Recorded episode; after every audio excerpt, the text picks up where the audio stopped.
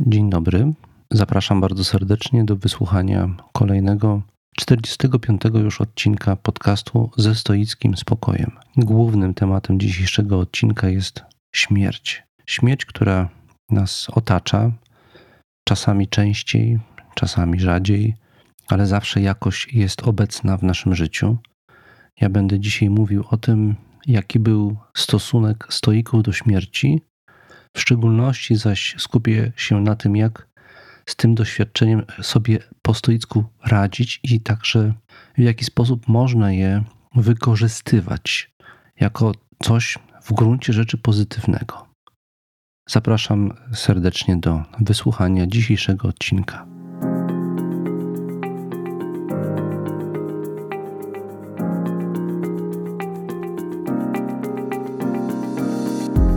Mamy ograniczony wpływ na to, gdzie i pośród jakich ludzi żyjemy. Nie my decydujemy, co nam się codziennie przydarza. Od nas jednak zależy, jak to przyjmujemy i jakimi stajemy się ludźmi. Nazywam się Tomasz Mazur. Jestem współczesnym praktykującym stoikiem i zapraszam do wysłuchania mojego podcastu ze stoickim spokojem.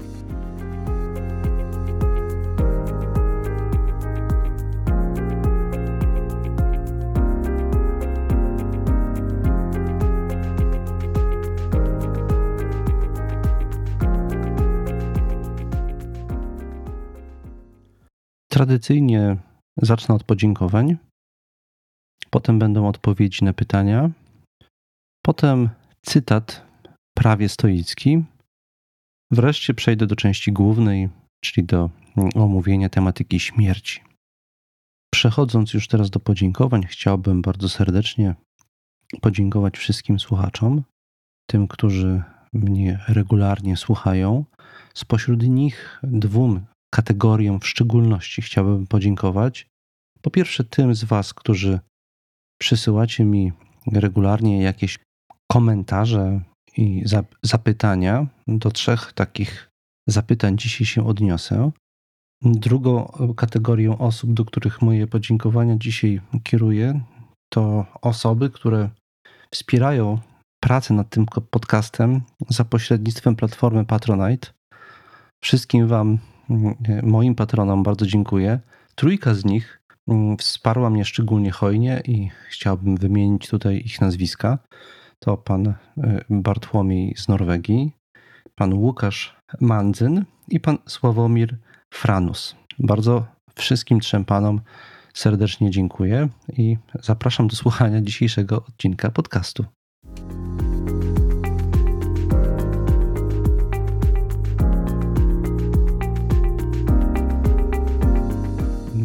Chodzi o pytania, to mm, tak jak to już tutaj zapowiedziałem, na dzisiaj wybrałem trzy z nich.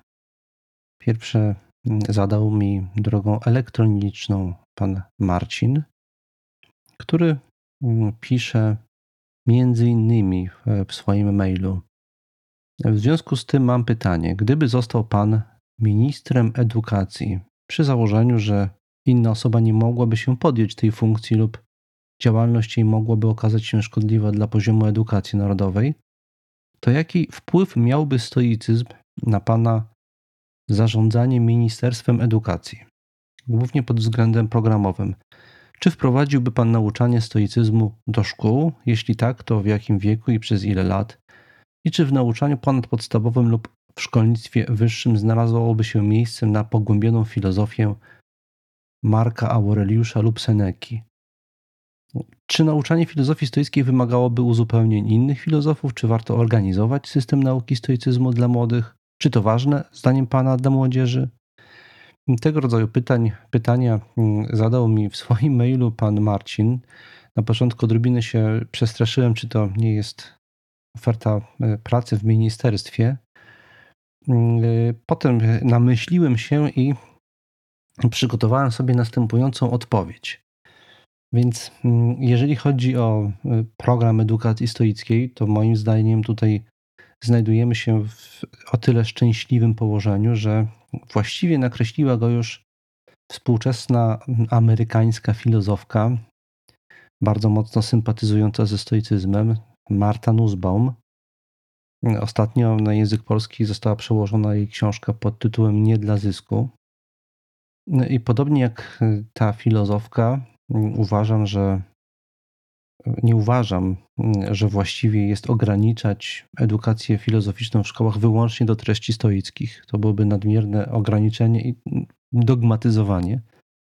Za właściwy uważam po namyśle następujący program. Tutaj częściowo się inspiruje właśnie zaleceniami Marty Nussbaum. Mój program składałby się z czterech punktów. To teraz adresuję do wszystkich zainteresowanych tym, żeby zmodernizować obecny program edukacji szkolnej. A więc zaczynam od punktu pierwszego. I mam w nim coś, co określam jako sztukę konstruktywnej wymiany myśli, jako przedmiot. W to w skład tego przedmiotu wchodziłaby głównie mm, oczywiście logika z elementami retoryki. Dodam tutaj, że był to stały element mm, edukacji praktykujących antycznych stoików. To wiele źródeł tego rodzaju praktyky potwierdza. A więc logika z elementami retoryki, ale także, to jest bardzo ważne, psychologii, bo chodzi tutaj także o rozwój wrażliwości nie tylko na to, e, co, ale także jak coś jest komunikowane. E, to, ja, to bym widział jako jeden kurs w wymiarze co najmniej dwóch godzin tygodniowo przez co najmniej rok. Pierwszy punkt to był. Drugi punkt tutaj widzę historię wielkich idei filozoficznych i religijnych. Byłby to kurs, który ma na celu dokonanie przeglądu najważniejszych doktryn filozoficznych i religijnych, co miałoby pozwolić przeżyć i przemyśleć nieweryfikowalne empirycznie i racjonalnie założenia, na których opiera się każda z tych doktryn.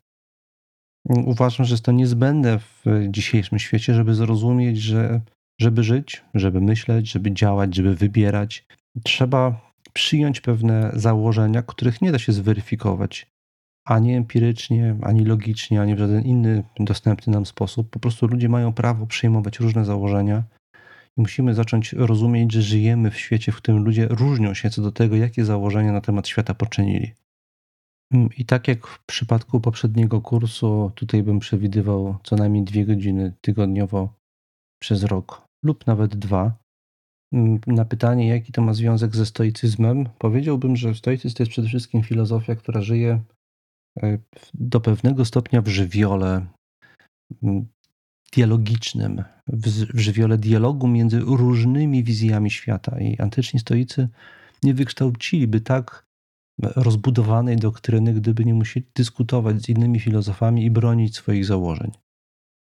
To był drugi y, kurs, który uważam za bardzo ważny, żeby wprowadzić do szkół, gdyby to było możliwe. Trzeci kurs to jest kurs etyki, ale rozumiany jako przegląd najważniejszych historycznych i współczesnych problemów etycznych oraz strategii ich rozstrzygania. Częścią kursu byłyby debaty na temat ważnych współcześnie, współcześnie kwestii etycznych, i taki kurs uważam, że powinien być logiczną kontynuacją dwóch poprzednich, bo kompetencje logiczne oraz światopoglądowe, jakie poprzednie e, kursy by mm, zbudowały, byłyby podstawą, żeby teraz e, zacząć dyskutować i rozumieć różnice etyczne, jakie między nami zachodzą. Mm, I też widzę, że on powinien, ten kurs, e, trwać co najmniej dwie godziny tygodniowo przez co najmniej rok. No i wreszcie czwarty kurs. Y, to widzę tutaj kurs, który tak sobie robocze nazwałem kursem relacyjności, mm, czyli kurs uczący tego, jak radzić sobie w relacjach z innymi ludźmi oraz ze sobą. Na kurs składałyby się techniki filozoficzne, w tym stoickie, ale także techniki psychologiczne. Dlatego uważam, że prowadzić ten kurs powinien nie tylko filozof, ale także psycholog. Idealnie byłoby, gdyby taki kurs prowadziły dwie osoby, właśnie razem w takim pewnego rodzaju dialogu i współpracy filozof i psycholog. Dzięki tym technikom mm, uczeń e, zyskiwałby kompetencje niezbędne do tego, żeby zarządzać swoim czasem, priorytetami, emocjami, a także uczyłby się funkcjonować w relacji z innymi ludźmi. To jest uważam jeden z największych mankamentów absolwentów współczesnych szkół, w szczególności polskiej szkoły. Także twierdzę, i tutaj bardzo ważną inspiracją byłaby dla mnie właśnie Nussbaum wspomniana wcześniej, że kluczową częścią tego kursu byłaby lektura i dyskusja tekstów literackich, które dają wgląd w doświadczenie innych ludzi. I ten kurs także uważałbym za konieczną kontynuację dwu, dwu, dwu pierwszych kursów. I on powinien odbywać się w trybie co najmniej dwóch godzin tygodniowo przez myślę, że co najmniej dwa lata. Więc tak bym widział kurs takiej powiedzmy psychofilozofii we współczesnej szkole. E, właściwie sądzę, że można by go wprowadzać w jakiejś okrojonej postaci już od piątej klasy podstawówki, ale najważniejsze jego komponenty powinny być moim zdaniem realizowane w liceum, kiedy to kształtuje się światopogląd młodego człowieka. Twierdzę nadto, że sukces takiego kursu jest w sposób fundamentalny zależny od radykalnej zmiany konstrukcji całego systemu edukacji. Inaczej ten kurs się po prostu nie powiedzie. To znaczy, żeby, przestać, żeby ten system edukacji przestał być nastawiony wyłącznie na weryfikowane testami wyniki i oceny, zaś w znacznie, w znacznie większym stopniu, żeby był nastawiony na harmonijny rozwój y, człowieka. Y, wydaje mi się, że to jest możliwe, a także dzisiaj niezbędne. Jeżeli mamy naprawdę zmienić ten świat, musimy go zacząć zmieniać od zmiany systemu edukacyjnego. Inaczej będą nasze usiłowania skazane na niepowodzenie. Tak wyglądałaby moja odpowiedź na pierwsze pytanie, za które jego autorowi, panu Marcinowi, bardzo serdecznie dziękuję. Mam nadzieję, że uda się coś z tą odpowiedzią zrobić konstruktywnego, skoro już ją wypowiedziałem i ona jest w, w eterze. Teraz przechodzę do, tak jak powiedziałem, do drugiego pytania, właściwie komentarza, uwagi, po, z pytaniem y, jakoś dołączonym do niej.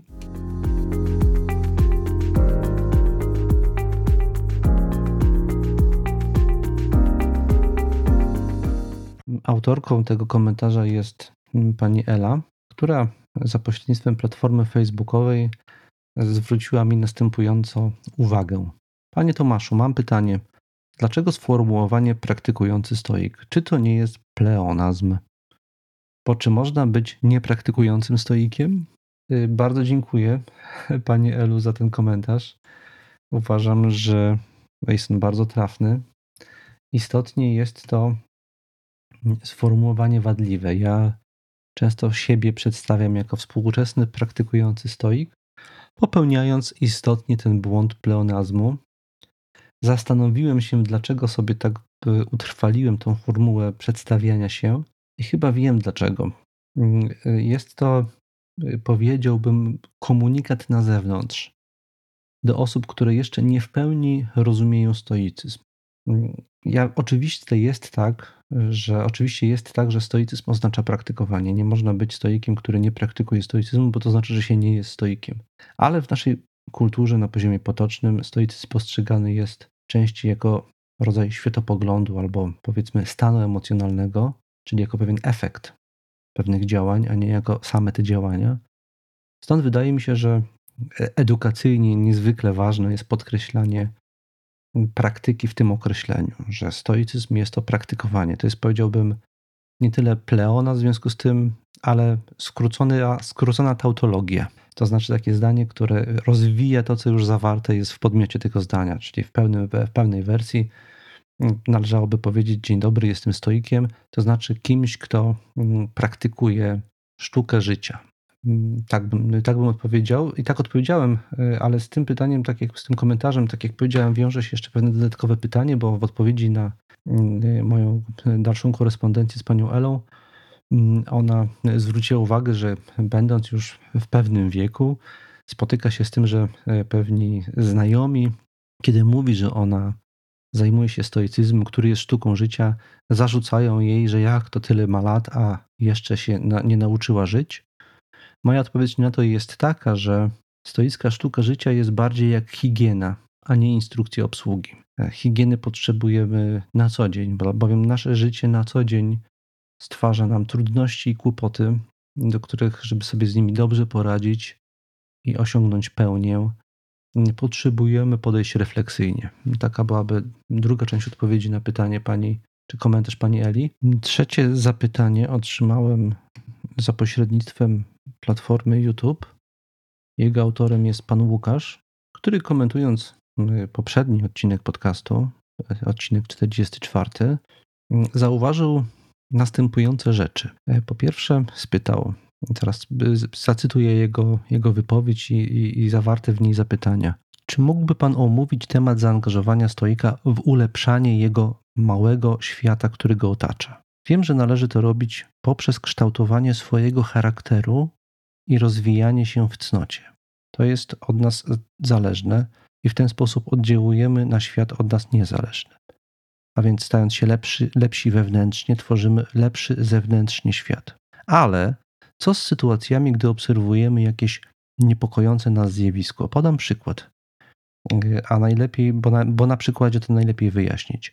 Odkąd zacząłem praktykować stoicyzm i stosować opisane przez Pana ćwiczenia, stałem się człowiekiem mocno wyciszonym, y, takim obserwatorem z boku. Zacząłem analizować to, o czym rozmawiamy przy obiedzie w pracy i załamałem ręce. Niestety rozmowy te są o niczym. Polegają na wzajemnym żartowaniu z siebie, robieniu sobie docinków i żartów słownych, plotkowaniu i obgadywaniu. Trzeba zaznaczyć, że piszę tu o ludziach w wieku około 40 lat. I teraz pytanie. Czy stoikowi wypada poinformować owe grono znajomych o ich próżności i o marnowaniu czasu? Szczerze powiedziawszy, nie za bardzo mam ochotę. Nie czuję się usprawiedliwiony, aby narzucać im swoje wartości. Ale moje pytanie jest bardziej ogólne. Jak stoik powinien interweniować, jeśli się z czymś nie zgadza? Czy gdy interweniujemy, to nie narzucamy swojego zdania? Uważam, że jest to bardzo wnikliwy komentarz. Po pierwsze, potwierdzam, bo to od wielu osób już słyszałem, że efekt praktyki filozoficznej, stoickiej, ale nie tylko takiej, mm, bardzo często mm, przejawia się właśnie w tym, że zaczynamy widzieć rzeczy, których nie widzieliśmy wcześniej, zaczyna nam być niewygodnie w sytuacjach, w których nie, nam wcześniej nie było niewygodnie, a także pewnego pogorszenia. Doznają różne nasze relacje, bo też inni zaczynają nas inaczej postrzegać, nie tylko my widzimy inaczej ludzi. Przestajemy dobrze funkcjonować w pewnych relacjach, w których wydawało nam się do tej pory, że dobrze funkcjonowaliśmy. W odpowiedzi na, na zapytanie pana Łukasza napisałem mu, że w podanym przez pana przypadku rzeczą rozstrzygającą jest hierarchia wartości. Chodzi o to, czy mamy czas, energię i motywację, żeby poważnie zaangażować się w podniesienie jakości relacji w, w danym miejscu pracy. Na ile jest to dla nas ważne? Należy pamiętać, że Deklaracja wartości to zawsze deklaracja zaangażowania określonego czasu i energii w podjęcie konkretnych działań. Ja to bardzo często podkreślam. Wartości to nie są mm, jakieś deklaracje, że coś jest dla nas ważne. Wartości wyrażają się w zaangażowaniu czasu i energii w określonych działaniach. Jeśli swoimi uwagami mm, adresowanymi do naszych kolegów i koleżanek z pracy uruchomimy w tymże miejscu pracy jakiś proces interpersonalny, to następnie jesteśmy za niego odpowiedzialni. Tak działają wartości. Jeśli nie czujemy się na to gotowi, żeby wziąć na siebie taką odpowiedzialność, albo nie sądzimy, że to jest dla nas aż tak ważne, żeby angażować ten czas i tę energię właśnie w ten proces, trzeba ten stan rzeczy jako część naszego naturalnego środowiska po prostu zaakceptować tak jak akceptuje się na przykład zimny wiatr w grudniu. Idziemy do pracy, jest zimno, y, jesteśmy w pracy, są drętwe komentarze. To jest tak samo część natury jak zjawiska przyrodnicze. Jeśli jednak podejmiemy się działanie, działań mających na celu zmianę mm, tych, tychże relacji zawodowych, Trzeba pamiętać, że należy to robić uważnie i empatycznie. Początkujący stoicy bywają paternalistyczni i wywyższający się. Tak się dzieje niestety. Należy pamiętać, że takie powierzchowne rozmowy też bywają na przykład konsekwencją lęku i zranień. My się nie lubimy odsłaniać, wolimy docinki, bo one są bezpieczniejsze dla nas niż powiedzenie czegoś szczerze. Więc jeżeli ktoś będzie nadmiernie krytyczny wobec tego rodzaju postawy, możemy w ten sposób uzyskać efekt odwrotny od zamierzonego. Tak, taki byłby mój trzeci komentarz do, do trzeciego zapytania. Za wszystkie zapytania bardzo dziękuję. Do mnie spływa dużo takich zapytań w sposób naturalny. Nie do wszystkich mogę się odnieść, ale proszę o cierpliwość. E, sukcesywnie w kolejnych odcinkach mm, ja powoli będę na różne pytania odpowiadał.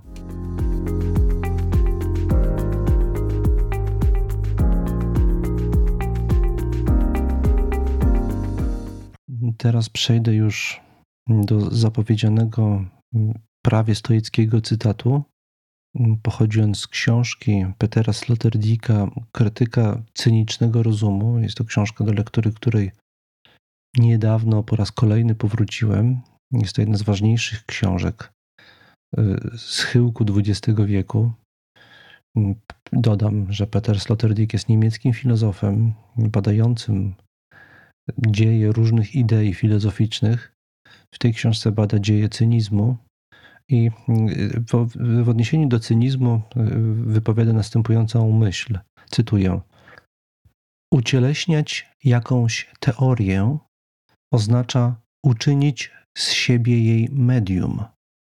Jest to coś przeciwnego do kierowania się ideami, czego domaga się dyskurs moralizatorski. Koniec cytatu.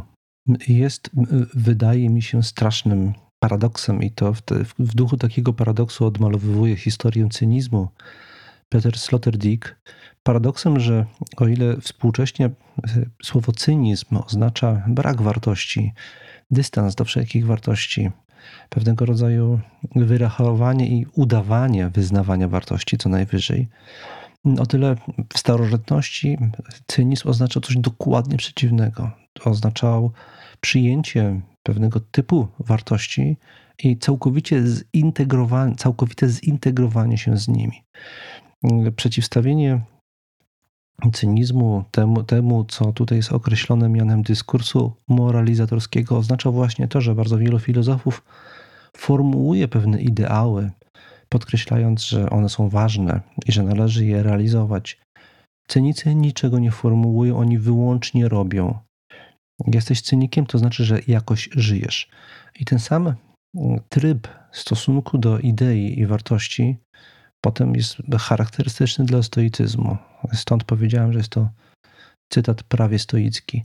Ale także można powiedzieć, że historia zachodniej kultury pokazuje podobną ewolucję w stosunku do stoicyzmu, ile antyczny stoicyzm oznacza całkowite zaangażowanie w pewien tryb życia, całkowite poświęcenie się pewnemu ideałowi życia, o tyle współcześnie słowo stoicyzm bardzo często oznacza właśnie brak zaangażowania i całkowite zdystansowanie się względem wszystkiego. I, i w tym tkwi mm, bolesny paradoks, czy mm, jakby chichot historii, że zaangażowanie przeraz, przeradza się we współczesnej recepcji stoicyzmu w jego przeciwieństwo. I właśnie dlatego odpowiedziałem pani Eli wcześniej, tak jak odpowiedziałem, że dzisiaj właśnie dlatego trzeba podkreślać, że stoicyzm to jest zaangażowanie, a więc praktyka. Może powinienem się przedstawiać: Dzień dobry, jestem współczesnym zaangażowanym stoikiem.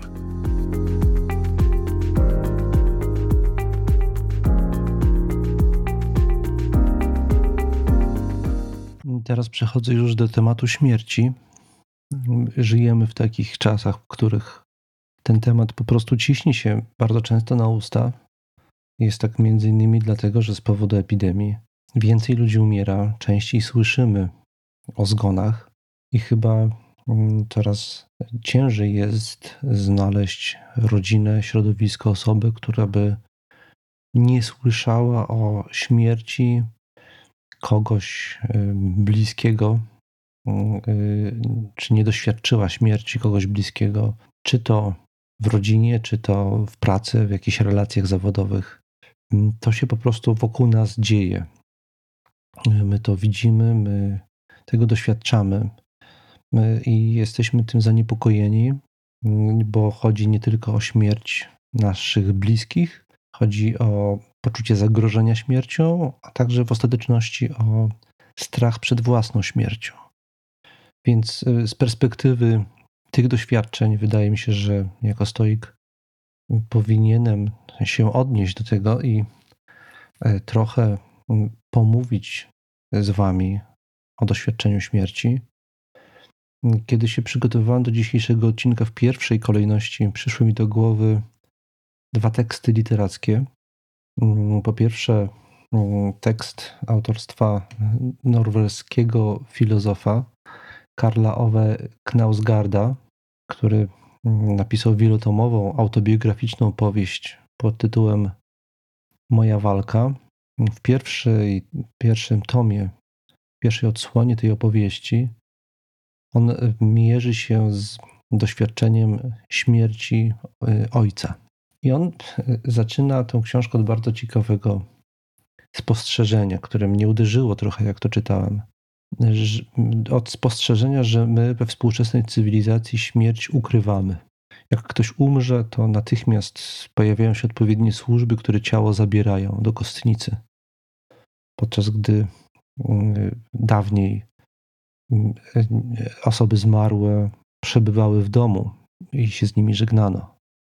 Ponadto, jak już tą osobę pochowamy, to ona przebywa na cmentarzu gdzieś w odizolowanej przestrzeni, z dala, z dala od miejsc, w których toczy się życie. Dość długo analizuje to, to, te, to takie odsuwanie śmierci od siebie. Jesteśmy cywiliz- autor książki dość długo to analizuje. Jesteśmy cywilizacją życia, cywilizacją afirmacji życia. Śmierć mm, jest czymś, czego nie jesteśmy gotowi i nie umiemy akceptować jako część tego życia. Mm, to jest pierwsze doświadczenie, mm, czy pierwsza, y, pierwsze przemyślenie, jakie miałem właśnie w związku z tą książką. Mm, może dodam, że dla autora później no, śmierć ojca jakoś jest katalizatorem, bardzo twórczym i rozwijającym katalizatorem. Nie przypadkiem ta książka zaczęła się właśnie od śmierci ojca. A więc on pokazuje, on pokazuje, że ta śmierć, którą my odsuwamy, z drugiej strony potrafi być bardzo pozytywnym doświadczeniem. Nie chodzi o to, że on się cieszył, że ojciec umarł, Chodzi o to, że konfrontując się ze śmiercią ojca, w pewnym sensie odnalazł siebie. Ja tak odczytuję tę książkę. Mm, bo wraz ze, z doświadczeniem śmierci odsuwamy, można powiedzieć, część siebie. Drugie, druga, druga mm, książka, drugi tekst, który przyszedł mi do głowy, kiedy przygotowywałem się do tego odcinka, to jest oczywiście Oczywiście dla mnie, jestem wielkim miłośnikiem tego autora, w poszukiwaniu straconego czasu Marcela Prusta. Jeden z tomów y, tej y, wielkiej powieści nosi tytuł Nie ma Albertyny. Albertyna jest jedną z bohaterek, która była wielką miłością narratora powieści i ona umiera na skutek wypadku. I to stało się w osobliwych okolicznościach nie sam wypadek, rzecz jasna, tylko moment życia bohatera był źródłem tej osobliwości. Otóż on y, był już znużony ich relacją. Miał poczucie, że ma miłość już za sobą i że właściwie to on tej Albertyny chyba już nie kocha. I on chciał z nią zerwać. I w tym momencie właśnie dowiaduje się, że ona umarła i że jej już nie ma. I nagle ta wyrwa sprawiła, że uświadomił sobie, jak jałowa i powierzchowna jest nasza samoświadomość, nasza znajomość naszych uczuć, albowiem on sobie uświadomił, że absolutnie nie jest w stanie bez niej żyć. I cały tom jest właściwie poświęcony żałobnej refleksji nad śmiercią bliskich osoby, której, o której sądziło się, że już i na nas, o, o której sądziło się, że nam już na niej nie zależy. I to jest kolejny dowód na to, że śmierć w pewien sposób przeżyta ujawnia nam prawdę o nas samych. Wydobywa na wierzch rzeczy, o których w ogóle o sobie i o świecie nie wiedzieliśmy, i bez których nasze życie było jakoś znacząco uboższe.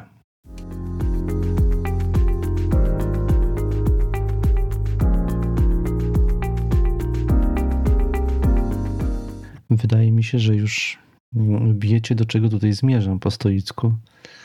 E, stoicy mm, znajdują się pod wieloma względami na antypodach naszego dzisiejszego współczesnego stosunku do życia, jako mm, właściwie jednej z najwyższych, najważniejszych wartości. Mm, oni uważają, że mm, kluczowe jest nie to, że żyjemy, ale to, jak żyjemy. I do jakości tego życia kluczowe jest następnie skonfrontowanie się i też nieustanne konfrontowanie się z doświadczeniem śmierci i własnej śmiertelności. Takie konfrontowanie się, które do pewnego stopnia jest nawet w niektórych stoickich relacjach prowokacyjne. Przede wszystkim trzeba tu na pewno wyjaśnić jedno. Dla antycznych stoików śmierć nie jest czymś złym. Współcześnie na pytanie, czy śmierć jest czymś złym, zdecydowana większość ludzi powie, że tak. Życie jest czymś dobrym, a śmierć jest czymś złym. Antyczni stoicy tak tego w ogóle nie postrzegali. Życie jest czymś godnym wyboru, dogodnym, bo lepiej jest żyć niż nie żyć. Natomiast śmierć jest czymś niedogodnym, nie, niegodnym wyboru. Lepiej jest żyć niż nie żyć, jeżeli mamy do wyboru te dwie opcje. Problem ze śmiercią jednak jest taki, że ona jest nieodłącznym elementem życia, jest czymś, co dostajemy w pakiecie. Nie akceptować i odrzucać od siebie śmierć to nie akceptować części naszej kondycji, tego, kim w istocie jesteśmy i do czego zmierzamy. Ktoś mi odpowie na to w sposób oczywisty, że przecież doświadczenie śmierci, zarówno bliskiej osoby, jak i perspektywa naszej własnej śmierci, jest źródłem strachu i cierpienia.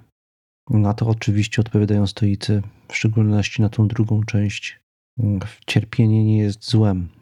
Cierpienie jest nieodłącznym elementem życia e, i jako takie może być użyte przez nas i powinno być przez nas użyte jako narzędzie do tego, żeby le żyć lepiej, głębiej, prawdziwiej i w sposób bardziej wartościowy. Nie chodzi o to, że śmierci doświadczamy, chodzi o to, jaki jest nasz do tego doświadczenia stosunek, w co, ten, w co to doświadczenie przekształcamy. Na to następnie dalej ktoś mógłby dopytywać: No dobrze, ale w jaki sposób właściwie należy śmierć przekształcać w coś pozytywnego?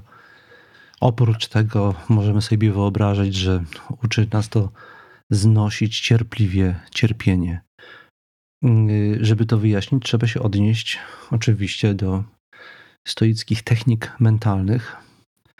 W wielu z nich śmierć, medytacja nad śmiercią, nad doświadczeniem śmierci używana jest jako ważny element praktykowania uważności, w szczególności uważności na to, co w naszym życiu ważne, e, na to, co dla nas jest naprawdę cenne. I mam tutaj w pierwszej kolejności oczywiście na myśli y, ćwiczenie o nazwie perspektywa kosmiczna. Mm, uważni, przy, uważni czytelnicy Marka Aureliusza na pewno przypomną sobie pojawiające się w jego tekście wyliczenia wszystkich osób, które już umarły. Jest to element perspektywy kosmicznej. Za pomocą tego wyliczenia Marek Aureliusz chce nam pokazać, że to wszystko, czym się dzisiaj tak bardzo przejmujemy, co wynika na przykład z dysproporcji społecznej między rządzącymi a rządzonymi, między bogatymi a biednymi. Wszystkie te napięcia, one e, bardzo szybko przejdą w niebyt, pójdą w niepamięć, albowiem wszystkich nas zrówna ostatecznie śmierć. W ujęciu Marka Aureliusza nie ma doświadczenia bardziej demokratycznego, jednocześnie wyzwalającego niż perspektywa śmierci. Nakręcamy się i emocjonujemy się bieżącymi niesprawiedliwościami, tym, że ktoś ma lepiej, a ktoś inny ma gorzej. Ale zarówno ci, którzy mają lepiej, zarówno ci, którzy doznają niesprawiedliwości, jak i ci, którzy ją wyrządzają, wszystkich spotka ostatecznie dokładnie ten sam los. Na cmentarzu wszyscy są sobie równi. Jest to perspektywa kosmiczna, która pozwala nam zapomnieć o tym, co nas rani i drażni w obserwowaniu codziennej rzeczywistości, wyzwolić się od tego i zacząć żyć tym, co dla nas tu i teraz jest ważne i co my ze sobą i ze swoim życiem tu i teraz możemy zrobić. A więc pierwszym kontekstem, w jakim stoicy, antyczni stoicy używają i mówią o doświadczeniu śmierci, jest perspektywa kosmiczna.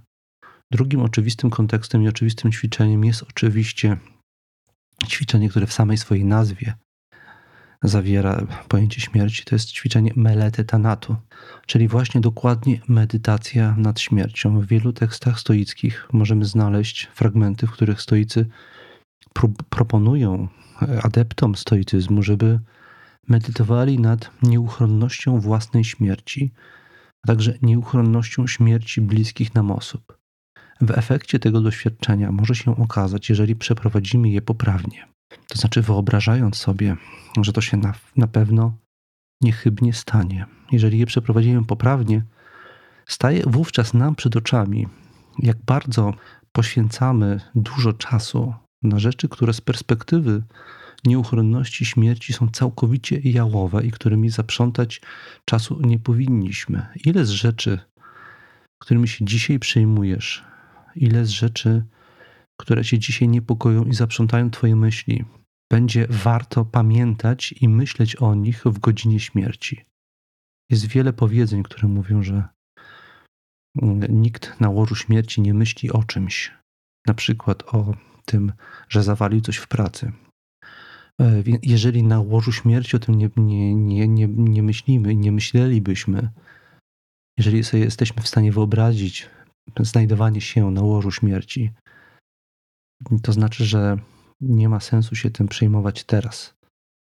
Bo to łoże jest tak samo bliskie każdemu człowiekowi. Każdego z nas może w każdej chwili dotknąć choroba, na przykład w postaci epidemii. E, dlatego też to, co, czego, co nas dzisiaj doświadcza, można traktować właśnie jako takie memento.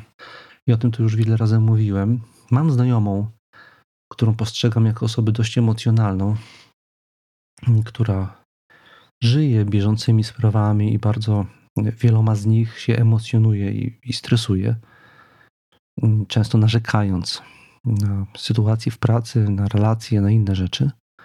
I niedawno, w, kiedy rozmawialiśmy, a rozmawialiśmy właśnie w kontekście, w kontekście śmierci pewnej osoby, obojgu nam znanej, ta osoba zmarła właśnie na COVID, ona powiedziała, że teraz te emocje wszystkie opadły, bo nagle u, u, przy, przypomniała sobie, co jest ważne i o czym należy pamiętać. Pamiętać należy o tym, żeby dobrze żyć z ludźmi, którzy są dla nas ważni, żeby mieć dla nas czas. I bardzo często doświadczenie śmierci jest bolesne nie dlatego, że ktoś umarł, albo że boimy się, że umarł, ale dlatego, że uświadamiamy sobie, jak wiele czasu zmarnowaliśmy, jak jeszcze żył. Mm, I śmierć właśnie nam o tym przypomina, żeby go nie marnować. Problem z człowiekiem polega na tym, że jak już jest lepiej i ta śmierć jest jakoś taka mniej narzucająca mu się, to natychmiast o tych naukach płynących z refleksji nad śmiercią i z przeżycia śmierci, natychmiast o tym zapomina i rzuca się w wir życia, zatracając w efekcie pamięć o tym, co dla niego ważne w perspektywie długiego wymiaru czasu i utratę czego, utraty czego będzie później żałował. I jest jeszcze trzecie ćwiczenie stoickie, w ramach praktykowania którego pojawia się jako ważny element doświadczenie śmierci. Jest to ćwiczenie, które ja określam mianem naśladowanie mistrza. Antyczni stoicy, jak wiemy, operowali pewnym modelem mistrza stoickiego, przedstawianego jako pewnego rodzaju niedościgniony wzór. Elementem praktyki stoickiej było wizualizowanie sobie tego, jak ten mistrz, ta wyidealizowana postać postępuje w różnych trudnych sytuacjach.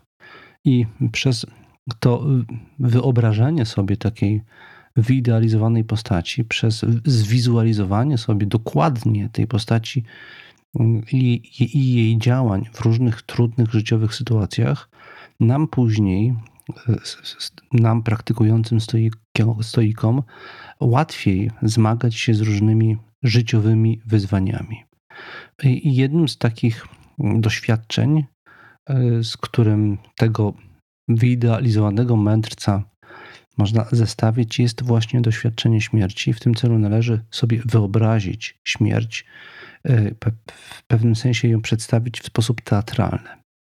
Moim zdaniem, trochę w tym kontekście mm, pojawiły się mm, w antycznym Rzymie, w, kulturze antycznej w ogóle, mm, te swego rodzaju teatralizacje śmierci, polegające na tym, że oto jacyś wybitni stoicy znani wówczas praktykujący stoicy w sposób ostentacyjnie konfrontowali się z doświadczeniem śmierci, niejako wyzywając ją na próbę.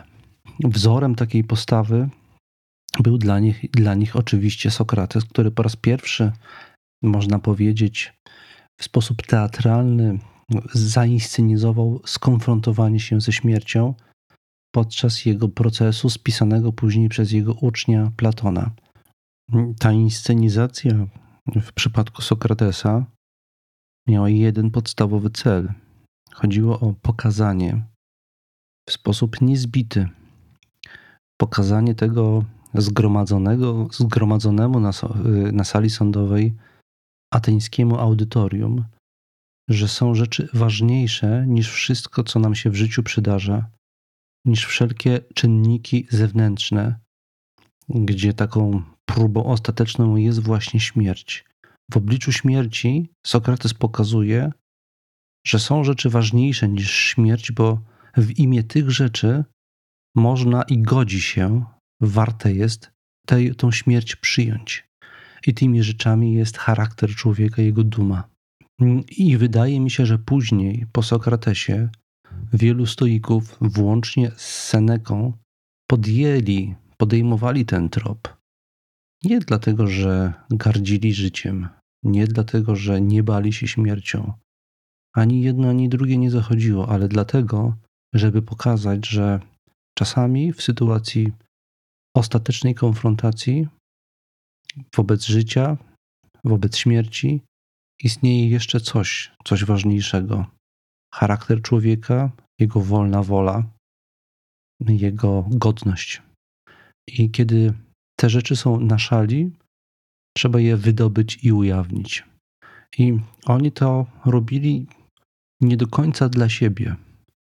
Oni robili to dla nas, dla tych, którzy ten teatr później mogli relacjonować, opowiadać o nim innym i przeżywać dla siebie jako pewien punkt odniesienia w codziennej praktyce, punkt odniesienia dający nam otuchę w naszym codziennym zmaganiu z przeciwnościami losu, pokazujący, że popatrz, oto inni potrafili w obliczu najgorszych przeciwności losu unieść to i zachować swoją godność i wolność. Ty także możesz. Dla ciebie także śmierć w tym przypadku jest nie tyle zagrożeniem, co pociechą bo pokazuje, że istnieją rzeczy, które są ponad śmiercią i ty możesz po nie w głębi swojego ducha sięgnąć, jeżeli się na tym odpowiednio skupisz i zdystansujesz do tego, co cię w danej chwili przeraża.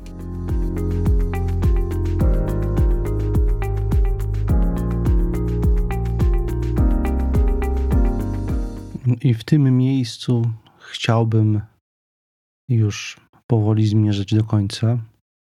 Wydaje mi się, że nic już bardziej wzniosłego i mm, trafnego na temat śmierci po stoicku dzisiaj nie powiem. Mówię o tym trochę z żartem na koniec, bo mam wrażenie, że te ostatnie zdania, które wypowiedziałem, były nieco wzniosłe, ale chyba słusznie, że takie były.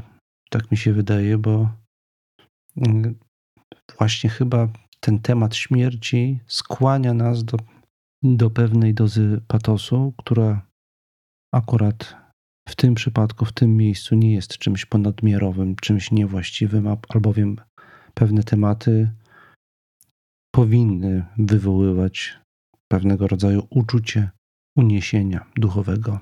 E, tak rozumiem w tym kontekście ten patos, który zabrzmiał w ostatnich zdaniach. Dzisiaj za uwagę już dziękuję wszystkim, którzy jakoś na tą śmierć w ostatnich czasach się napotykają, bardzo gorąco zachęcam, żeby potraktowali to jako okoliczność.